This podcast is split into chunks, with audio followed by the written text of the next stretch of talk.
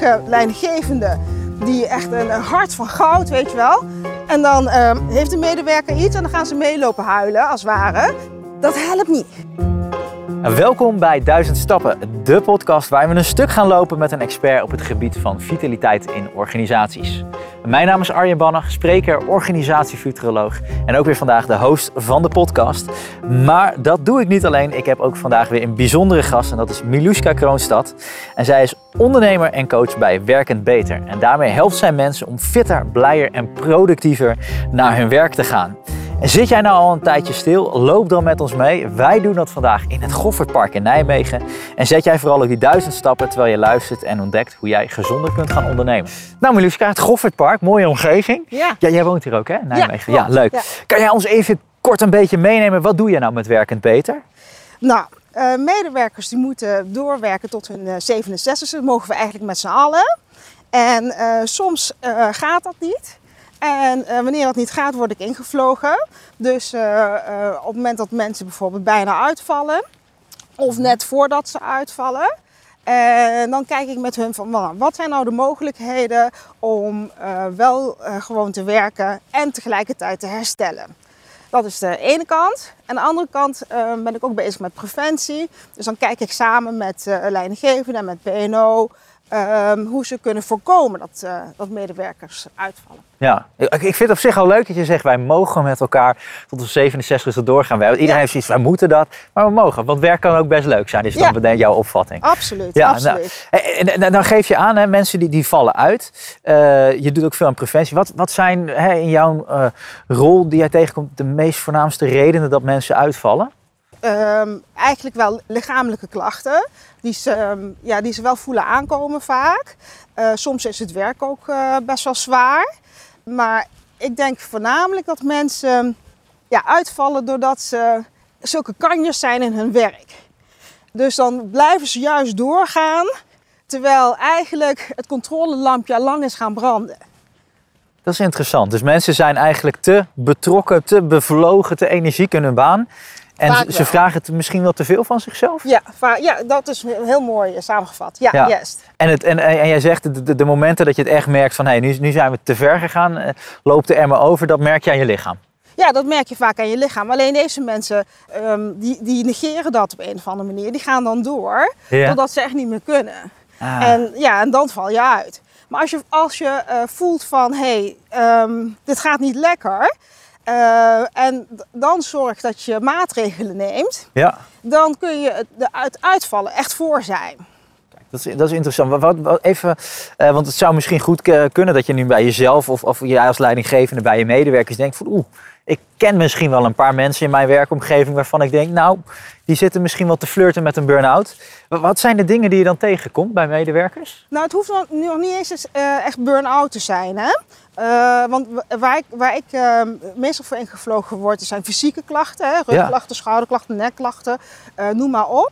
En, ehm, en het, het gemene daarvan is, kijk, een burn-out zie je aankomen. Hè? Iemand heeft langere tenen, iemand eh, eh, ja, doet anders. Dus je voelt, je voelt en je merkt gewoon dat de medewerkers anders doet.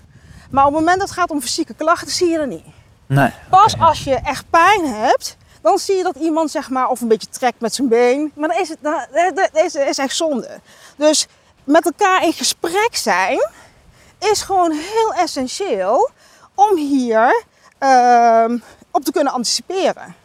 En een medewerker is heel belangrijk dat je goed op jezelf let. Ja.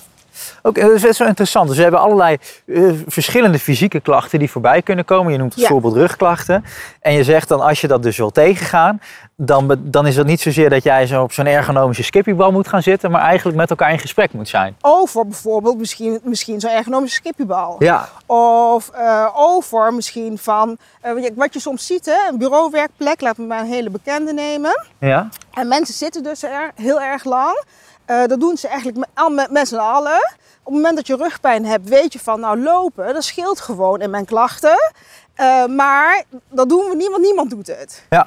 Hè, dus, dus dat. Dus vanuit de medewerker durven vragen of eh, toch durven die stap te zetten. Dat is er één. En vanuit de leidinggevende het gesprek erover aanwakkeren of Ja. aangaan is de ander. En, en, en waar, waar moet dat gesprek, wat is dan het onderwerp van dat gesprek? Waar ga, ga je het dan over hebben? Ja, is net afhankelijk van de fase waarin je zit. Ja, ik denk als je... ehm, Als iemand eh, uitgevallen is hè, en die komt terug op het werk. Laten we die maar als voorbeeld nemen. Dat is een hele, een hele bekende. Hè. Dan zegt een leidinggevende van... eh, nou, weet je, ehm, bouw maar rustig op. Want dan zegt de bedrijfarts ook... een paar uurtjes beginnen rustig opbouwen.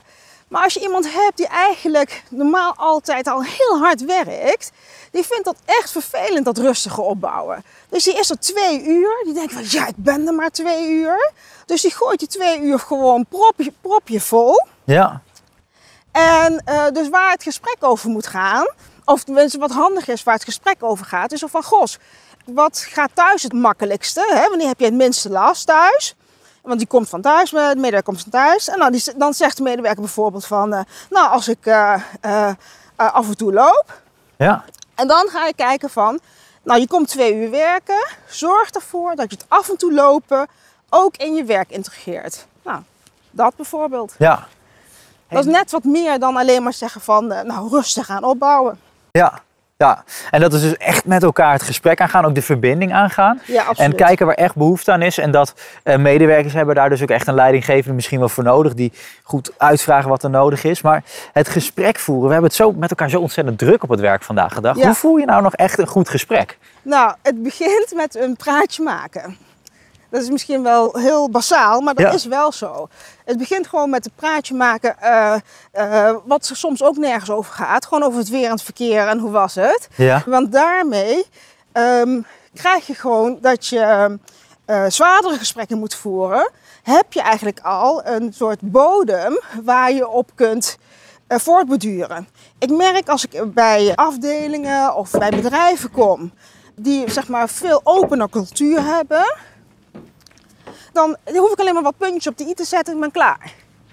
Terwijl eh, eh, ik kom ook heel vaak bij bedrijven waar ehm, ehm, mensen wel heel veel dingen van elkaar denken, maar eh, dat, eh, ja, niet met elkaar in gesprek gaan. Ja, dit, dit klinkt een beetje vaag, of snap je wat Nee, nee, ik, het is voor mij hoor. Ik vind het een hele leuke tip. Want we zeggen altijd, ja, dat is een beetje ongein. Hè? Die, die, die, die, eenvoudige, oppervlakkige gesprekjes. eh, Voegen die nou iets toe? Maar jij zegt juist, ja, misschien voor, niet voor dat gesprek, maar wel voor het volgende zwaardere gesprek Ja, wat je met elkaar moet gaan voeren. Juist, Ja, ja. ja. En dat, dat is zeg maar, ik noem dat, dat is je opstap. Ja, Of zeg maar, de, ja, de, de, ja dat, dat is je opstap. ja. Hey, en welke problemen kom jij nou dan tegen bij eh, medewerkers waar, waar, waar, zij, waar, waar, organisaties, waar leidinggevende, HR, waar die echt wat mee moeten doen? Wat zijn nou een beetje de top issues waar jij tegenaan loopt in jouw werk? Eh, eh, wat ik er, heel erg jammer vind is dat als mensen vaak terugkomen naar het werk, dan krijgen ze vaak bureauwerkzaamheden. Nou, met bureauwerkzaamheden laat je iemand zitten. Dus wat doe je eigenlijk? In plaats van dat het lichaam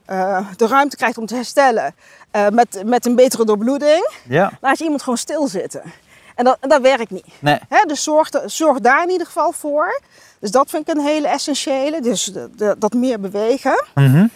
Dus één voorbeeld wat je noemt, hè, dat gaat over dus als, als mensen terugkomen na een tijdje ziekte, dat er meer bewogen moet worden in plaats van dat je weer alleen maar stil gaat zitten op je werkplek. Ja. Eh, andere voorbeelden nog die jij veel tegenkomt? Ja, ik pak eens even een praktijkvoorbeeld. Leuk. Ehm, eh, een prijsvraag die eh, uitgezet is voor, ehm, eh, om, om je werk beter en makkelijker en fijner te kunnen doen. ja. En eh, vervolgens eh, is daar een winnaar uitgekomen. Maar alle, alle mensen die een inzending hebben gestuurd, die kregen en een kleine attentie. En ehm, daar, daar werden groepjes van geformeerd, zodat die ook aan de gang konden gaan met hun idee. En kom ik bij een ander bedrijf, dan zegt zo'n medewerker van ja, nou, ik doe, ik doe hier helemaal niks meer, want eh, zij doen ook niks voor mij. En dan probeer ik de boel weer te sussen. Maar wat hij dus bedoelde is ook van, nou, dan wordt er eh, a- om ideeën gevraagd, dan geeft hij ideeën, vervolgens hoort hij er niks meer van. Ja. En dan, dan komt hij. Een hele tijd later wordt zijn idee geïmplementeerd. En hij hoort helemaal niet zo van, hé hey, bedankt. Ja. Ja. Dus creëer het wij-gevoel. Ja. En dat is soms dat ook al, ook al heb jij het verzonnen als leidinggevende, of weet je het al tien keer, dat je dan toch zegt van jongens, dat hebben we met elkaar gedaan. Mooi. Dus Ja. dat is echt, echt het, eh, het gevoel geven aan mensen dat ze er onderdeel van zijn, dat ze worden gehoord, dat ze worden gezien. Ja. Dat dat echt heel belangrijk is. Ja, ja, en met een stukje oprechte belangstelling.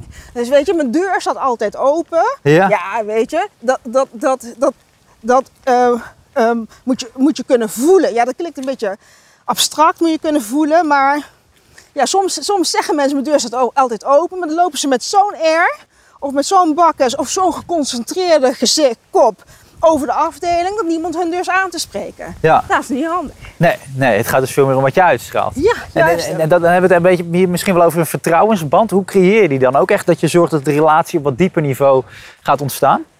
Ja, en daar ligt ook een enorme valkuil.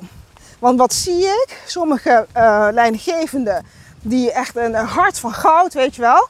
En dan eh, heeft de medewerker iets en dan gaan ze meelopen huilen, als het ware. Ja. Dat helpt niet. Weet je, want dan ga je mee het drijfzand in. Dan zit je in de medewerkerssoep. Dus zorg altijd voor warme zakelijkheid. Dus één been bij de medewerker, andere been stevig op het werk. Ehm, kan je die nog iets concreter maken hoe je er uiteindelijk voor echt voor zorgt dat het in jouw organisatie ook echt wordt toegepast? Dat is echt op persoonsniveau. Dat het echt wordt toegepast wordt, is op persoonsniveau. Dus dat je van jezelf weet waar jouw kracht ligt, maar ook waar jouw eh, zwakte ligt. Weet je? Want ben jij echt een enorm zakelijk iemand, dan weet je dat, dat, dat je iets in, de, in, de, in die warme kant mag doen. En ben je enorm warm, dan weet je dat je iets in die zakelijke kant mag doen. Want wat gebeurt er nu? Sta je met twee benen op het werk en dan zeg je keihard van dan en dan moet je terugkomen op het werk. Zonder zeg maar, eh, dat de medewerker het gevoel heeft dat hij gehoord wordt, dan gaat hij stuiteren. Ja. Of dan gaat hij bij de koffiezetapparaat, gaat hij, gaat hij medestanders zoeken om te saboteren, om Ja. te klagen. Ja. En sta je met twee benen bij die medewerker, die heeft ook een, een soort eh, leiding nodig om terug te komen. Ja. Weet je? Dus eh, sta je met twee benen bij die medewerker, ja, weet je, dan, dan, voordat je het weet, denk je van ja, gos, wat erg, ja, ja. En ook geen kinderfietsje gehad. Dus, ja, precies. snap je? Ja, ja. Dus, dus dat. Dus vandaar dus die warme, die warme zakelijkheid. Ja. En wat is dan tot slot, uh, Milieske, jou, jou- jouw nummer één tip om te zorgen dat je dan dat gesprek met die medewerker, dat waar echt behoefte aan is, dat je dat meer op gang gaat krijgen? Oprechte belangstelling. Mooi. Mag ik je dan hartelijk danken? Jou ook. Hey, thanks. Yes. Leuk dat je weer geluisterd hebt en als je de duizend stappen met ons mee hebt gezet, complimenten. De volgende keer ga ik met Ernestine Telleman van New Heroes in gesprek over waarom complimenten en waardering zo ontzettend belangrijk zijn op de werkvloer.